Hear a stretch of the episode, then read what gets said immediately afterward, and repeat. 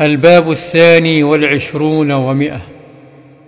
باب تحريم لباس الحرير على الرجال وتحريم جلوسهم عليه واستنادهم إليه وجواز لبسه للنساء. عن عمر بن الخطاب رضي الله عنه قال قال رسول الله صلى الله عليه وسلم لا تلبسوا الحرير فإنه من لبسه في الدنيا لم يلبسه في الآخرة. متفق عليه.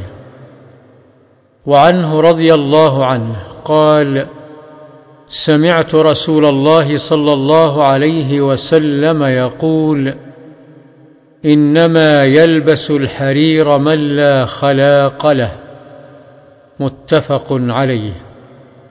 وفي رواية للبخاري من لا خلاق له في الآخرة قوله من لا خلاق له أي لا نصيب له وعن أنس رضي الله عنه قال قال رسول الله صلى الله عليه وسلم من لبس الحرير في الدنيا لم يلبسه في الآخرة متفق عليه.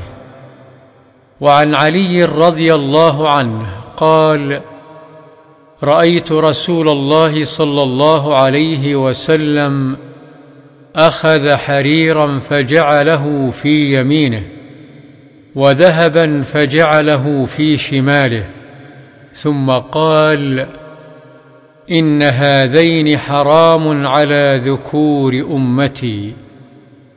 رواه أبو داود بإسناد حسن.